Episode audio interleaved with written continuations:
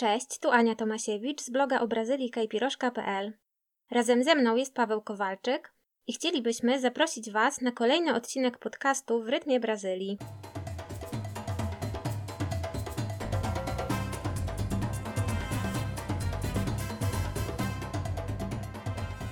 W dzisiejszym odcinku naszego podcastu będziemy rozmawiać, jak zorganizować wyjazd do Brazylii. Jak to wszystko ogarnąć od samego początku, bo rozmawialiśmy już e, o karnawale w Rio, w Salwadorze, w innych miejscach Brazylii, więc myślę, że e, część naszych słuchaczy nabrała ochoty na wyjazd. Więc powiedzmy sobie, e, jak zacząć i jak się przygotować, jak kupić bilet, jak to wszystko ogarnąć. Bo Paweł, ty nie latasz do Rio czy do São Paulo, to przynajmniej nie jest twoja taka pierwsza destynacja i miejsce docelowe, w którym jakby już zostajesz w Brazylii, tylko latasz do Gojani, prawda? Tak. No i właśnie, jak to wygląda? Jak, mm, jak to. Jak, jak rezerwujesz bilet? To może o tak. Rezerwuję bilet z reguły przez te wszystkie wyszukiwarki, które próbują znaleźć mi najtańszy bilet. Są tańsze możliwości na pewno. Jest fajna strona czy profil na Facebooku Fly for Free. Mhm, I tak, tam, tam często są naprawdę bardzo atrakcyjne ceny lotów z Europy do Brazylii. Ja z tego nie korzystam, bo z reguły to są tylko jakieś tam e, ograniczenia po prostu czasowe tych promocji i ja muszę się dostosować do swojego urlopu i do urlopu żony, więc my korzystamy z wyszukiwarek yy, Skyscanner czy mhm. jakieś inne podobne, te najbardziej popularne i one próbują mi złapać najlepsze połączenie. A latasz także y, z, z Europy bezpośrednio do Gojani, szukasz lotów, czy przesiadasz się w Europie, w jakimś hubie, czy powiedzmy w Rio czy São Paulo się przesiadasz? Jak to się przeważnie udaje? Do Gojani bezpośrednich lotów nie ma. Najbliższy port lotniczy e, międzynarodowy, który, który jest blisko Gojani, to jest Brazylia i z tego mhm. co wiem, tylko Paryż obsługuje e, i Air France obsługuje Brazylię, stolicę Brazylii. Więc muszę, muszę lecieć z dużego lotniska europejskiego, czyli Londyn, Paryż, Frankfurt, Amsterdam te duże, e, te duże największe lotniska, czy Lizbona, mają połączenia z Brazylią i wtedy lecę do São Paulo i nigdy nie leciałem jeszcze do Rio. Nie wiem, nie wiem czym to jest spowodowane, ale z reguły, a na, nie z reguły, tylko zawsze lecę do São Paulo, to jest dla mnie tańsze i tam przesiadam się na e, samolot do Gojani, czyli jeżeli ja podróżuję z Irlandii, to moja cena jest zupełnie inna od kogoś, kto będzie podróżował na przykład z Anglii i ma szybki dojazd na przykład na Heathrow. Mhm. Albo, albo, albo kogoś, kto jest na przykład w Polsce i może dolecieć czy dojechać do Frankfurtu, bo sądzę, że to jest pewnie największy niemiecki, e, najwi, największe niemieckie lotnisko, gdzie jest połączenie z Brazylią. Więc e, dla mnie jest stosunkowo, stosunkowo drogi lot, bo ja muszę ogarnąć sobie trzy, trzy bilety w jedną stronę, więc, e, więc tak to wygląda. Ale, ale muszę, lecieć, muszę lecieć do dużego miasta europejskiego, gdzie jest lotnisko, które ma połączenie z, z Brazylią. Jeszcze wiem, że są loty tańsze przez Stany Zjednoczone, ale no nie wiem, czy to się opłaca. One są tańsze, ale traci się o wiele więcej godzin, bo leci się często chyba do Orlando, można, chyba, nie, do Miami do Miami i chyba, chyba tam jest przesiadka. No i potrzeba przede wszystkim wizy, bo Dokładnie. w Stanach jest tak, że nawet jeśli się przesiadamy, to na ten czas transferu, w ogóle, aby postawić nogę na amerykańskiej ziemi, e, to trzeba mieć e, wizę, normalną wizę turystyczną czy biznesową, więc jeśli ktoś właśnie poluje na tani bilet i patrzy sobie na loty przez Stany, to musi, musi pamiętać o tym, żeby mieć wizę tak. do Stanu z reguły na tych, y, na tych wyszukiwarkach, czy jak już się kupuje bilet, to chyba jest, jest informacja y, mówiąca o tym, y, czy jesteś posiadaczem wizy. No ale jeżeli ktoś na przykład by zlecił komuś ogarnięcie tego, więc musi mieć też właśnie na uwadze, tak jak mówisz, to, że wiza jest wymagana, żeby w ogóle wsiąść na pokład samolotu lecącego do Stanów Zjednoczonych. Mhm. Czyli z tego, co mówisz, to wydaje mi się, że z Irlandii jest równie no, sporo komplikacji jak z Warszawy, dlatego że z Warszawy też nie ma rejsowych lotów bezpośrednio do Brazylii, nie ma bezpośrednio do Rio ani do São Paulo, które są takimi głównymi miastami docelowymi w Brazylii. Wiemy, że są czartery, od jakiegoś czasu e, chyba Rainbow lata. Kiedyś latała Itaka e, do Fortalezy, czyli taki kierunek no. Może mniej popularny, ale uważam, że no, jak najbardziej warty rozpatrzenia, bo plaże i piękne krajobrazy. Więc kiedyś Itaka latała bezpośrednio z Warszawy mm, do Fortalezy, a teraz Rainbow lata do Rio. Jeśli natomiast chodzi o loty rejsowe, to nie ma bezpośrednio e, z Warszawy. E, ja przeważnie robię tak, że e, tak jak ty, wyszukuję przez Skyscanner, Fly for Free, fru.pl, tanie loty, po prostu przez wszystkie wyszukiwarki, jakie znam. Zakładam sobie też alerty cenowe, bo przeważnie też te terminy które mi pasują, to są jakiś ograniczony czas, więc na te terminy zakładam sobie alerty cenowe, czy na Skyscannerze, czy na innych wyszukiwarkach. E, no i dostaję powiadomienia, kiedy te ceny rosną bądź spadają. E, no i sprawdzam, zakładam sobie te alerty na, e, na połączenia nie z Warszawy, czyli biorę najbardziej popularne europejskie huby typu Paryż, Amsterdam, Berlin, Mediolan. Warto Mediolan wziąć pod uwagę, mhm. bo y, leciałam z Mediolanu do Salwadoru za 2000, no ale mm, do tego Mediolanu trzeba dolecieć, więc najpierw sprawdzam połączenie z y, europejskiego e, portu lotniczego do Brazylii a później dopiero jak dolecieć z Warszawy do właśnie do tego y, europejskiego miasta. Y, I czasami jest tak, że y, powiedzmy do Berlina czy do Frankfurtu można dojechać pociągiem i wtedy no, ta cena jest korzystniejsza. A czasami, no niestety, trzeba dolecieć. I tak samo trzeba też wziąć pod uwagę różne tego typu rzeczy jak bagaż bo na lotach tych y, transatlantyckich to już bagaż jest z tego, co ja latam, no za, zawsze wyliczony w ceny biletu.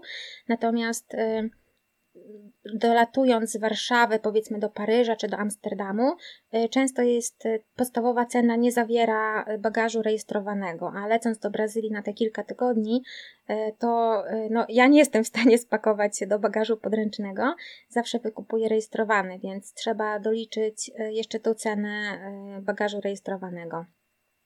A czasami jeszcze druga, jeszcze o jednej rzeczy powiem, którą trzeba e, może wziąć pod uwagę, jeśli e, ktoś właśnie, tak jak ja, dolatuje sobie do, do innego portu w Europie, że no, ja jestem e, taka zapobiegliwa i ostrożna, że jeśli czasami kupuję nawet nocleg, po prostu wolę dolecieć dzień wcześniej, przenocować i dopiero następnego dnia, powiedzmy, jeśli mam lot rano, to, to w ten sposób właśnie, żeby no, zminimalizować to ryzyko, że nie zdążę na, y, na ten już lot do Brazylii, bo y, czasami no, jeśli jest kilka godzin przerwy, to można sobie na lotnisku poczekać, y, ale jeśli po prostu to ryzyko jest za duże, że nie zdąży się na ten drugi lot, to y, ja tak robię i to jest sposób na, te, na, na taką spokojną głowę, że polecieć sobie dzień wcześniej i nawet wtedy można pozwiedzać sobie y, jakieś europejskie miasto przy okazji. Ja na przykład zwiedziłam Mediolan, zwiedziłam Lizbonę, Berlin, właśnie w ten sposób, że y, musiałam czekać na lot do Brazylii, no i w ten sposób spożytkowałam ten wolny czas, zwiedzając, e, zwiedzając miasto.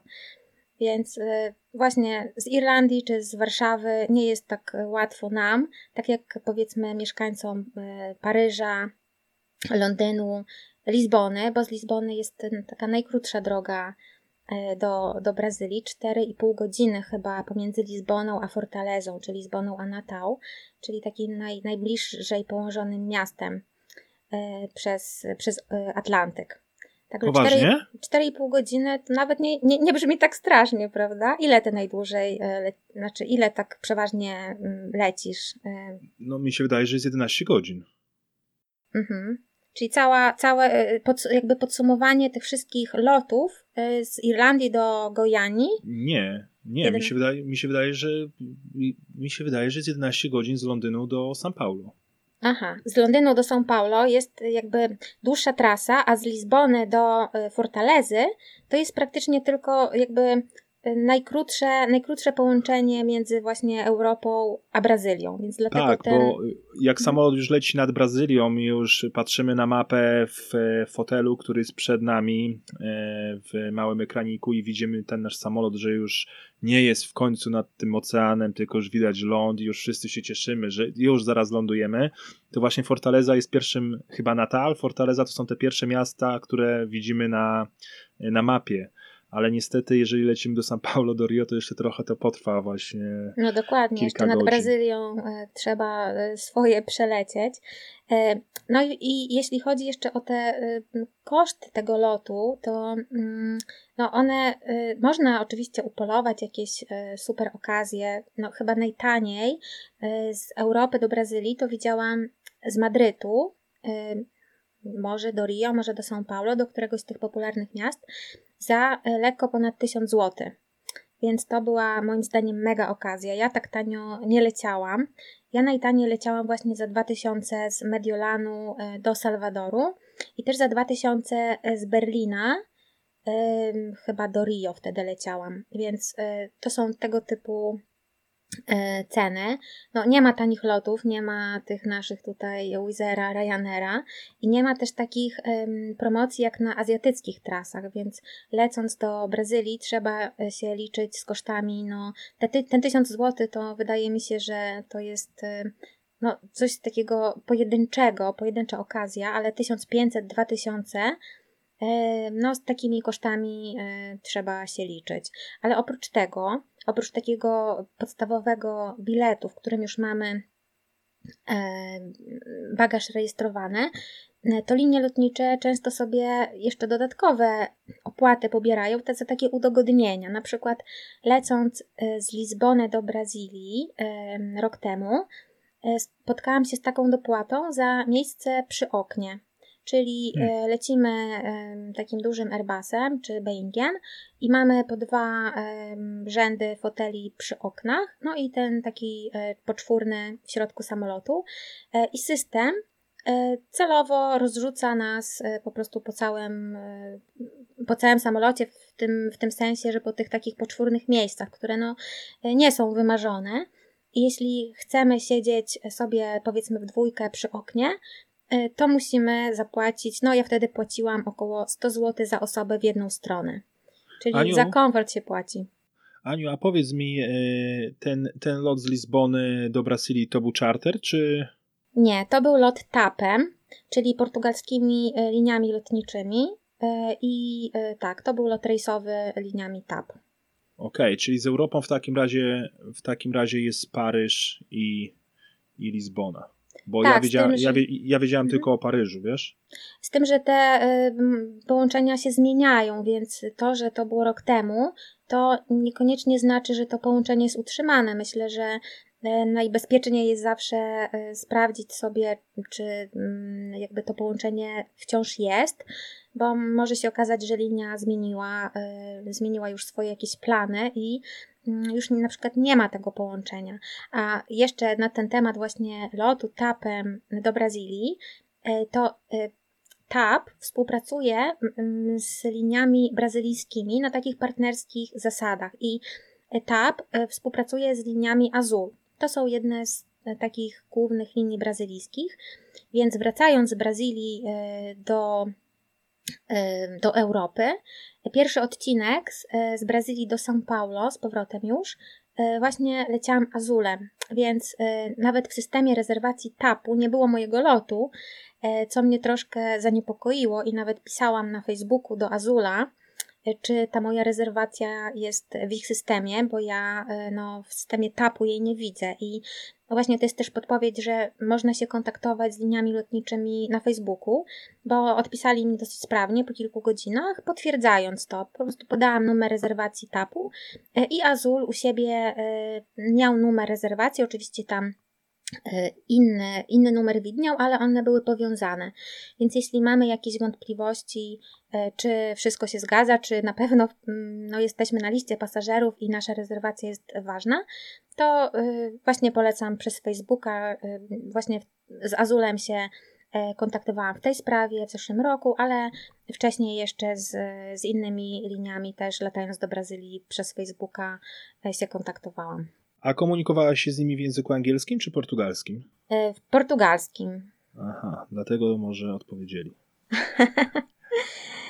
E, no dobrze, czyli um, powiedzieliśmy już sobie, jak dolecieć z Europy do Brazylii, z różnych miejsc w Europie, czyli najlepiej sprawdzić kilka europejskich hubów, na, na przykład na Skyscannerze jest super opcja, bo można wpisać konkretny kraj E, jako kraj taki startowy i e, Brazylię jako kraj docelowy. Czyli ja sobie często wpisuję e, Niemcy, Brazylia, Włochy, Brazylia i wtedy wyszukuje mi najtańsze połączenia pomiędzy miastem we Włoszech, a miastem w Brazylii. I wtedy można się zorientować właśnie, jakie połączenie jest najtańsze i, i jakie są po prostu kolejne już w droższych cenach, w wyższych cenach.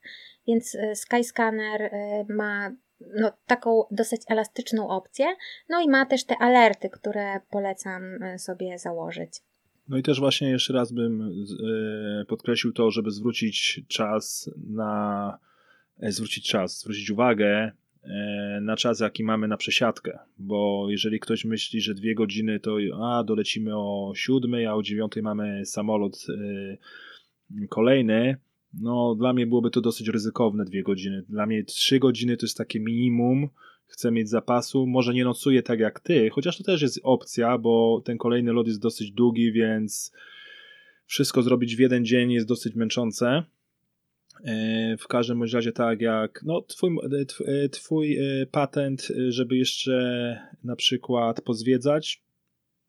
Czemu nie? Czemu nie, jeżeli nie było się właśnie Mediolan?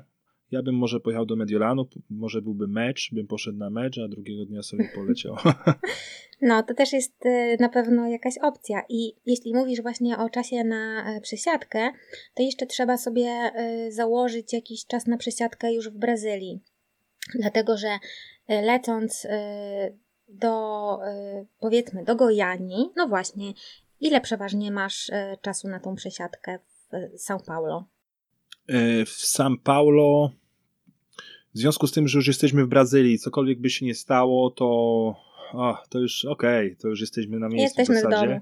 Tak, jesteśmy w domu, więc yy, tam mamy z dwie godziny, tylko że naprawdę wszystko robimy w biegu, dlatego że yy, ostatnio w São Paulo lotnisko chyba zostało, znaczy na, nie, nie chyba, zostało wyremontowane, trochę zmieniło się e, logistyczne przejścia i potrzebujemy naprawdę sporo czasu na to, żeby przejść z międzynarodowych lotów na loty e, wewnętrzne w Brazylii, więc dwie godziny ostatnio, e, no może nie, że biegliśmy do już do samolotu, ale naprawdę wszystko mieliśmy tak na styk i obciążenie turystami jest dosyć duże, oni są naprawdę bardzo zajęci, bo oprócz tego, że fajnie, że my z Europy przylatujemy, to naprawdę też sporo lotów jest e, na całą, e, na całą Brazylię, plus jeszcze na całą Amerykę Łacińską.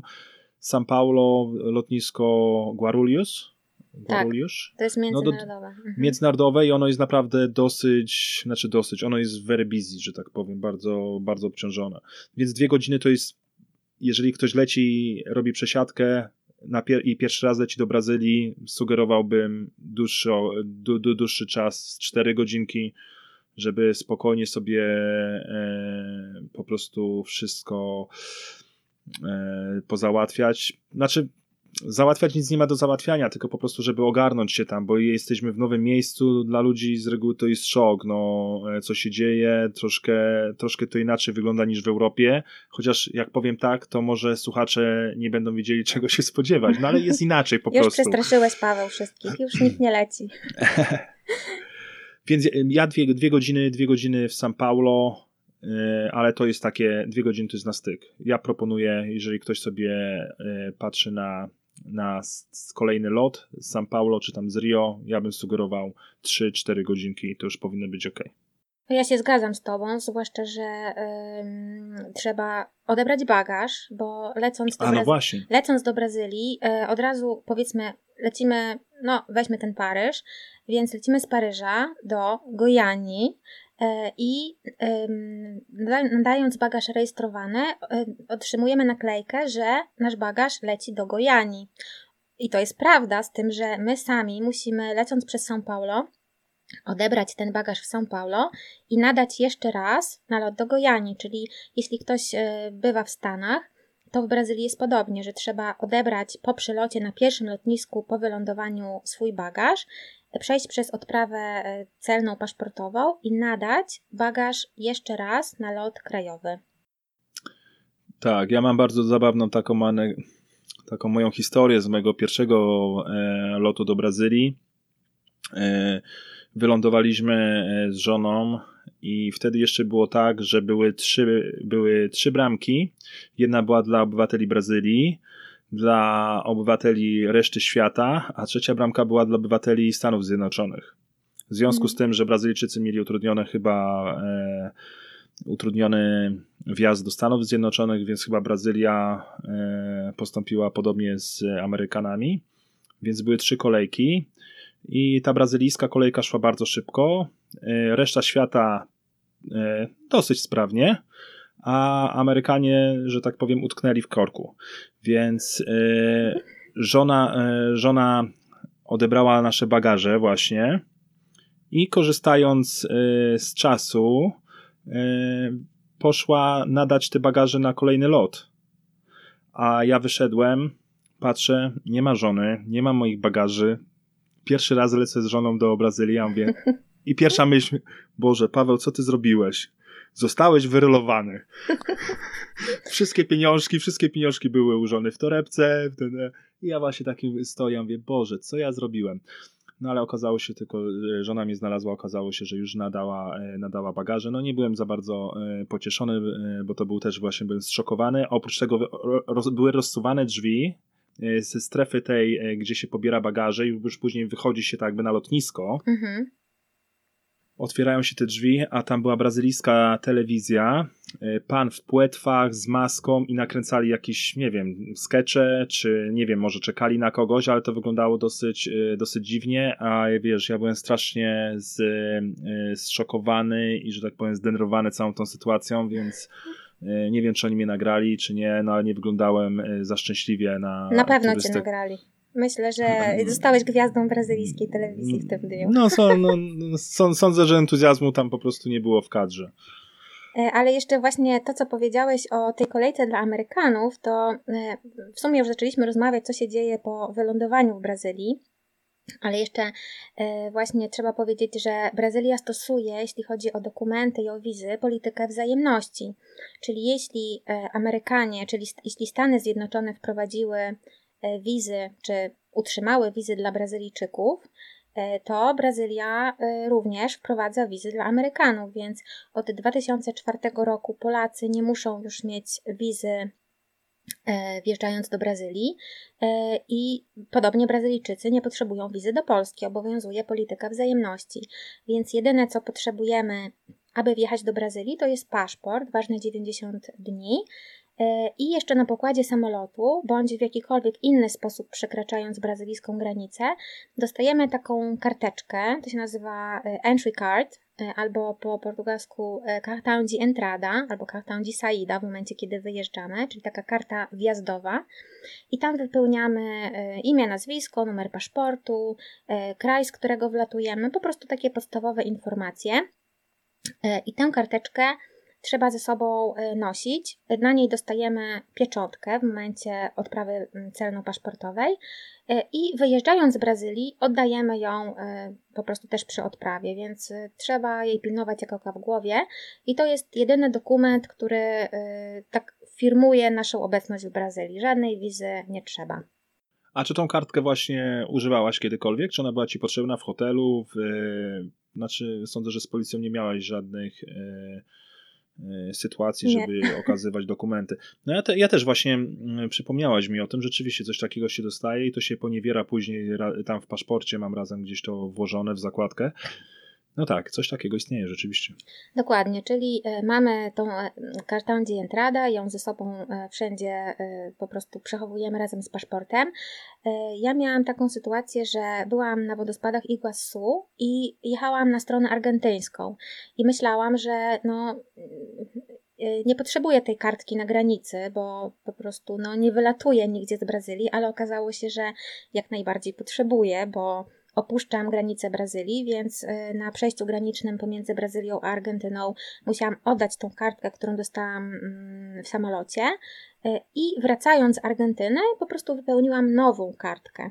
Więc za, oni są, y, no, Brazylijczycy, takimi biurokratami, że za każdym razem przekraczając granicę, musisz tą kartkę po prostu okazać, bądź oddać, pobrać nową.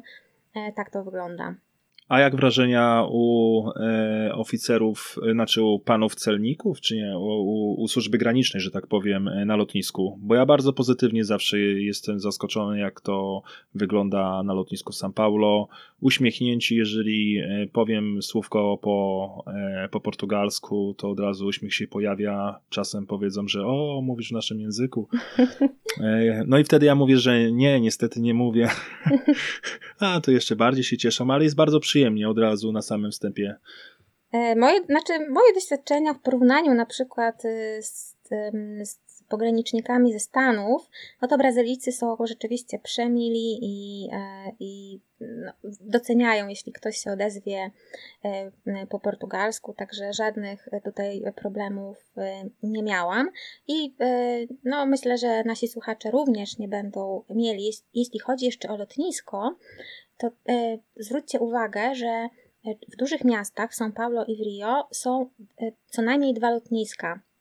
Czyli jest lotnisko międzynarodowe, na którym lądujemy, i jest lotnisko krajowe, więc trzeba zwrócić uwagę, z jakiego lotniska dalej lecimy. Powiedzmy, przylatujesz do São Paulo i lecisz dalej do Gojani, i przeważnie lecisz właśnie dalej z Guarulhos czy z krajowego Kongoniarz i musisz się przemieścić między nimi. Jak to wygląda? Dokładnie, nie, zawsze Guarulhos, bo, yy, bo korki w São Paulo, nie chcemy w ogóle, nie, zawsze z tego samego lotniska, nie ma po prostu innej opcji. Jest jeszcze chyba, nie wiem czy nie jest trzecie może jakieś małe lotnisko w São Paulo, ale nie, zawsze, zawsze to samo lotnisko, nie chcemy po prostu wyjeżdżać z lotniska i ładować się na e, w korki, bo no, São Paulo jest gigantyczne, ja widziałem tylko z lotu ptaka i e, z lotu ptaka po prostu mnie przeraża wielkość tego miasta i nie chciałbym, nie, nie chciałbym spędzić e, kilku godzin w busie jadąc na drugie lotnisko, jeszcze gdzieś może byśmy utknęli. Nie, nie, nie, zawsze z tego samego lotniska i polecam, sądzę, że to jest najlepsza opcja. E, tak, e, ja też staram się e, lecieć dalej, powiedzmy z Guarulhos czy z Galian w Rio, ale moim zdaniem nie, znaczy jeśli układa się tak dalszy lot, że jest po prostu z tego drugiego lotniska krajowego, to nie ma co się obawiać, tylko po prostu brać, jeśli wszystko inne pasuje, czyli kupować taki bilet, bo linie lotnicze przewiozą nas pomiędzy lotniskami za darmo tym busem czyli okazując bilet na pokładzie e, autobusu, e, po prostu przyjeżdżamy za darmo pomiędzy, pomiędzy tymi lotniskami. Ale, ale w takim wypadku to trzeba liczyć 4-5 godzin minimum, prawda? Między, żeby się dostać e... z jednego lotniska, znaczy nie, e, od przylotu do odlotu z kolejnego. No myślę, że 4 godziny to jest taka e, minimalna. A, a propos jeszcze tego czasu spędzonego na, na lotnisku, na oczekiwaniu na kolejny lot, to teraz e, powiem mm, taką sytuację, którą miałam lecąc do Kurytyby. Czyli wylądowałam w São Paulo i miałam 5 godzin e, czy 6 na przesiadkę w São Paulo na dalszy lot do Kurytyby. I jakoś szybko udało się to wszystko załatwić, przejść przez formalności. No i zostało nam jeszcze kilka godzin do kolejnego lotu. I wcześniej na jakimś forum brazylijskim, takim podróżniczym, przeczytałam, że można spróbować takiej opcji, że idziemy do e, biura linii lotniczych i próbujemy na miejscu przebukować sobie bilet e, na wcześniejszy lot bez dodatkowych kosztów. Więc lecieliśmy tamem, tam e, moje ulubione brazylijskie linie lotnicze. Znaleźliśmy biuro tamu na lotnisku właśnie Guarulhos w São Paulo. No i tam kilka osób w biurze obsługi klienta. Podeszłam do okienka i właśnie mówię, że my tutaj za kilka godzin mamy samolot do Kurytyby, ale no, widziałam na tablicy tych odlotów, że wcześniej są też loty waszymi liniami do Kurytyby, no i chcielibyśmy przebukować bez dodatkowych opłat. Chciałam to właśnie tak podkreślić, żeby absolutnie pani nie przyszło do głowy pobierać jakiejś dodatkowej kasy za, za przebukowanie. I okazało się, że E, musimy zaczekać e, dosłownie pół godziny przed odlotem samolotu. Wpisano nas na listę rezerwową i te pół godziny przed odlotem po prostu zamykano już listę pasażerów i wtedy e, mogło się okazać, czy będzie miejsce, czy nie. Więc tak jak my zrobiliśmy, tak jeszcze 10 innych osób przyszło sobie spróbować dostać się na ten wcześniejszy lot do Kurytyby. Więc e, pół godziny już zegarkiem w ręku, wszyscy stoimy, e, czekając na, na werdykt. E, I pani mówi: No, jest pięć wolnych miejsc, i akurat no, nas wyczytała we dwójkę, jeszcze trzy inne osoby. Od razu w tym biurze zostawiliśmy bagaż i musieliśmy po prostu biec, jak najszybciej się dało, przez całą halę lotniska do kontroli, do, jakby do tego prześwietlania, do tej kontroli do bramki e, i zawiózł nas już taki samochód jakby osobowy na pokład samolotu, bo autobus lotniskowy już dawno mm. odjechał. I my wpadliśmy w ostatniej chwili na pokład samolotu i słyszałam, że ci pasażerowie, którzy już tam siedzieli, tak właśnie komentowali, że o, spóźnialscy. Więc to było, no my wiedzieliśmy jaka jest sytuacja, że w zasadzie y, spóźnialscy, ale no w ten sposób, że mm, mieliśmy szczęście, że dostaliśmy się z listy rezerwowej, więc jeśli czeka Was długie oczekiwanie oczekiwanie na lotnisku, e, to warto w ten sposób też spróbować szczęścia i zamiast czekać na lotnisku, to dostać się wcześniej e, do miejsca docelowego.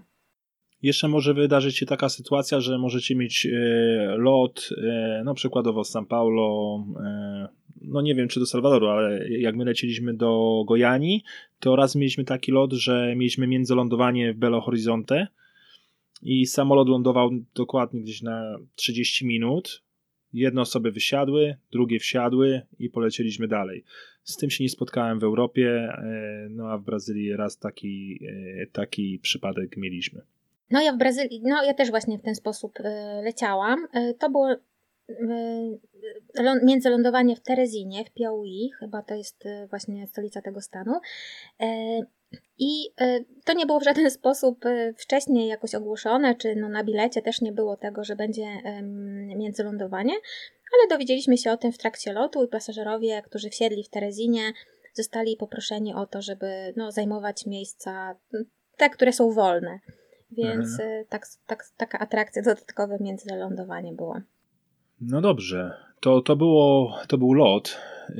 A właśnie, ten lot jest dosyć długi i jest męczący, szczególnie jeżeli lecimy na przykład z Niemiec albo z, z Anglii, no z Paryża też jest dosyć długi. No, jestem zdziwiony tym, tym lotem z, z Portugalii, że jest taki krótki i chyba to jest opcja do sprawdzenia, bo to mhm. fajnie byłoby dostać się do Brazylii, bo najcięższą rzeczą dla mnie jest ten długi lot i po kilku razach moje tipy na e, na lot, to, to są takie. Z reguły, znaczy z reguły.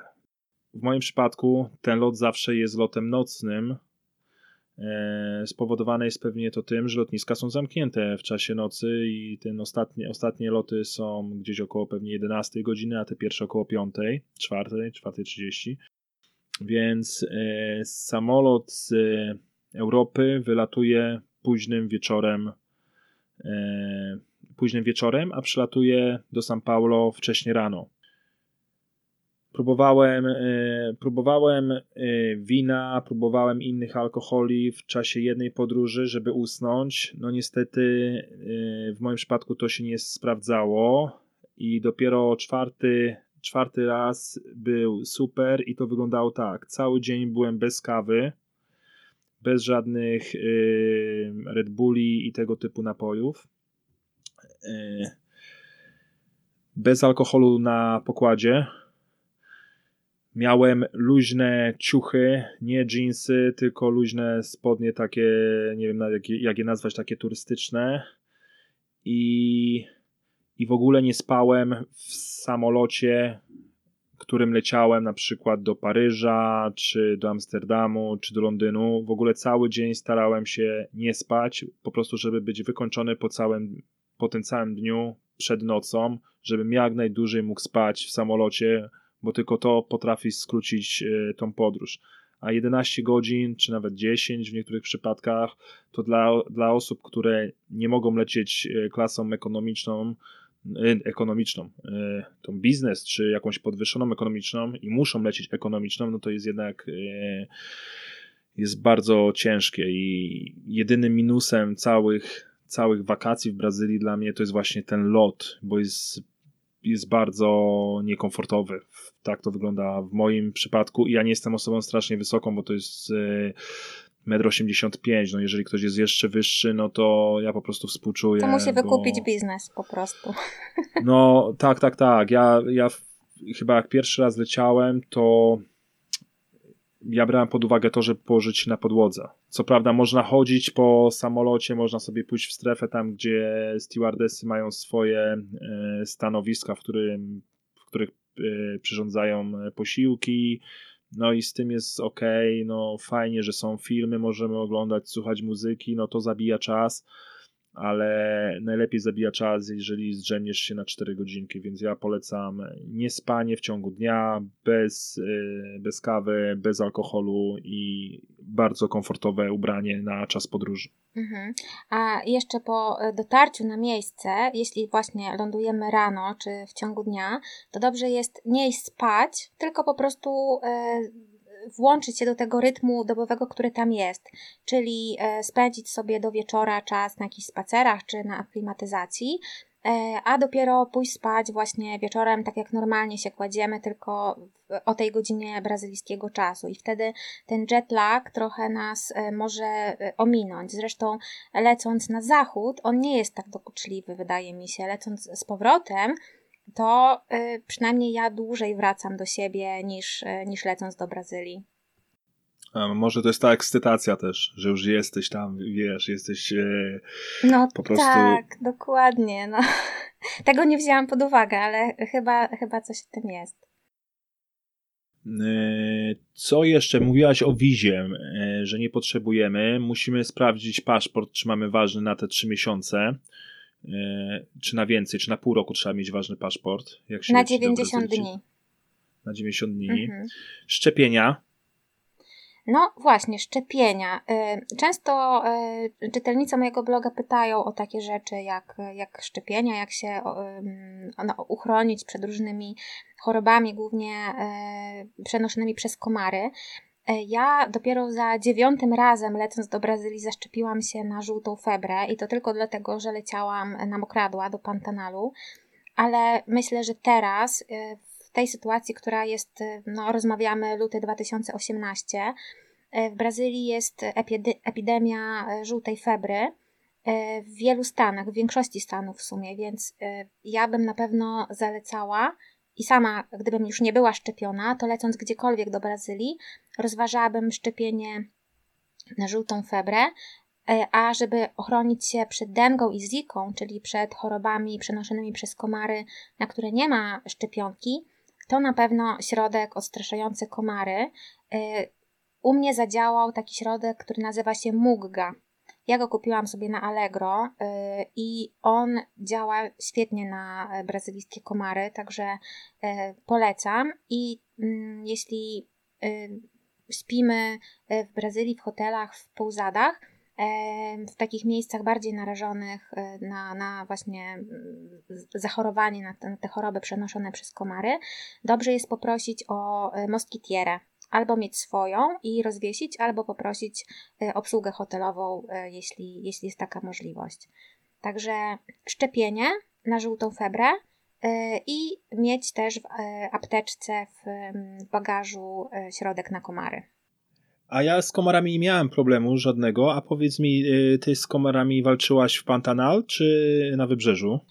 W Pantanalu walczyłam i była to walka nierówna na, na rzecz komarów, dlatego że byłam w porze deszczowej i po prostu no, to, to, była, to była masakra z, z komarami. Po prostu um, wjechaliśmy do, do Pantanalu i wysiedliśmy z samochodu na chwilę e, rozprostować nogi i w tym momencie po prostu taka e, szara chmura komarów nas e, zaczęła ścigać i gdyby nie to, że spryskaliśmy się mugą od stóp do głów, to myślę, że trzeba, trzeba było salwować się ucieczką z powrotem do samochodu, a tak ten środek pomógł na tyle, że E, no te komary mm, pofrunęły sobie szukać jakiejś innej ofiary, która nie miała, e, nie miała żadnego środka e, przeciwkomarowego, więc w Pantanalu komary grasują szczególnie w porze deszczowej i trzeba koniecznie no, mieć jakiś środek na nie.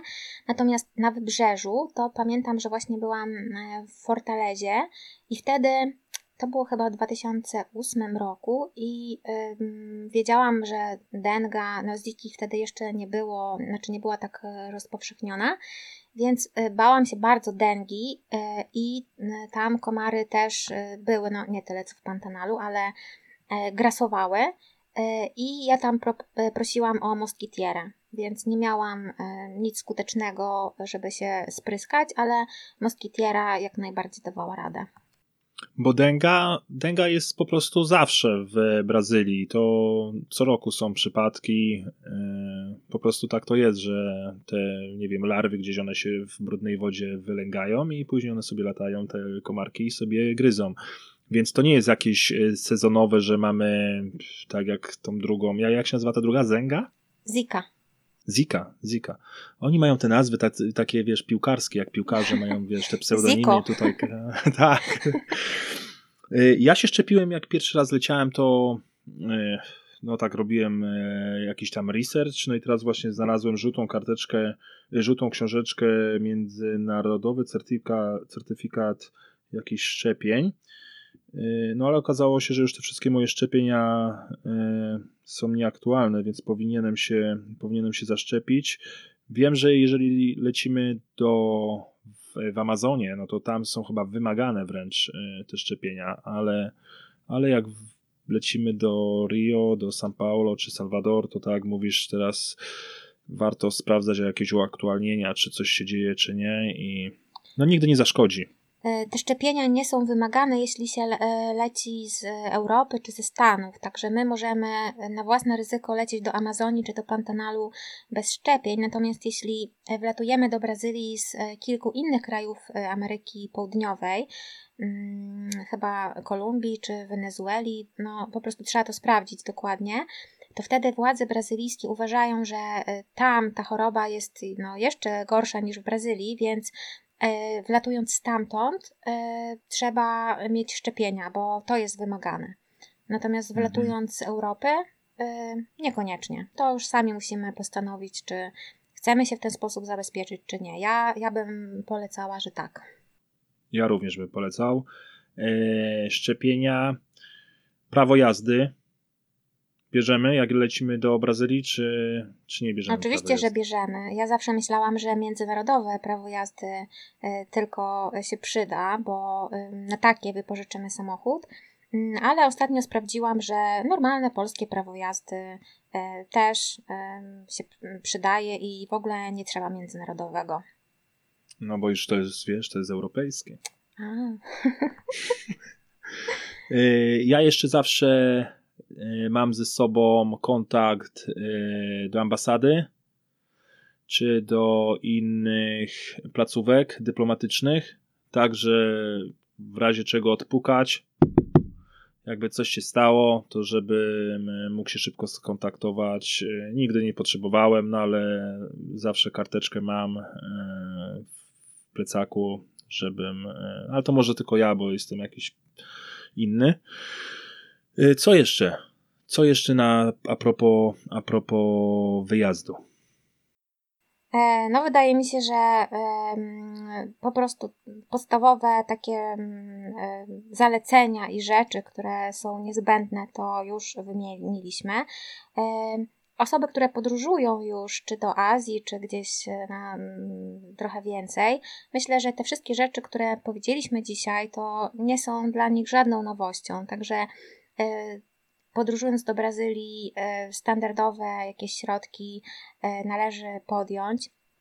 W podobny sposób e, wyszukujemy biletów lotniczych, pakujemy się tak jak zwykle, pamiętając właśnie, że jest tam ciepło, nawet jeśli lecimy w, Brazy w brazylijskiej zimie, to jest to przeważnie zima taka, że można chodzić w polskich letnich ubraniach.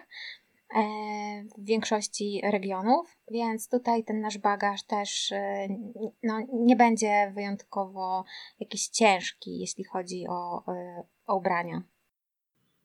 Tak. No, co ja mogę powiedzieć, że bluza bluza chyba nigdy nie była wyjmowana z walizki. Jeansy, nie wiem, chyba shorty zawsze. E, tak a propos właśnie ubrań.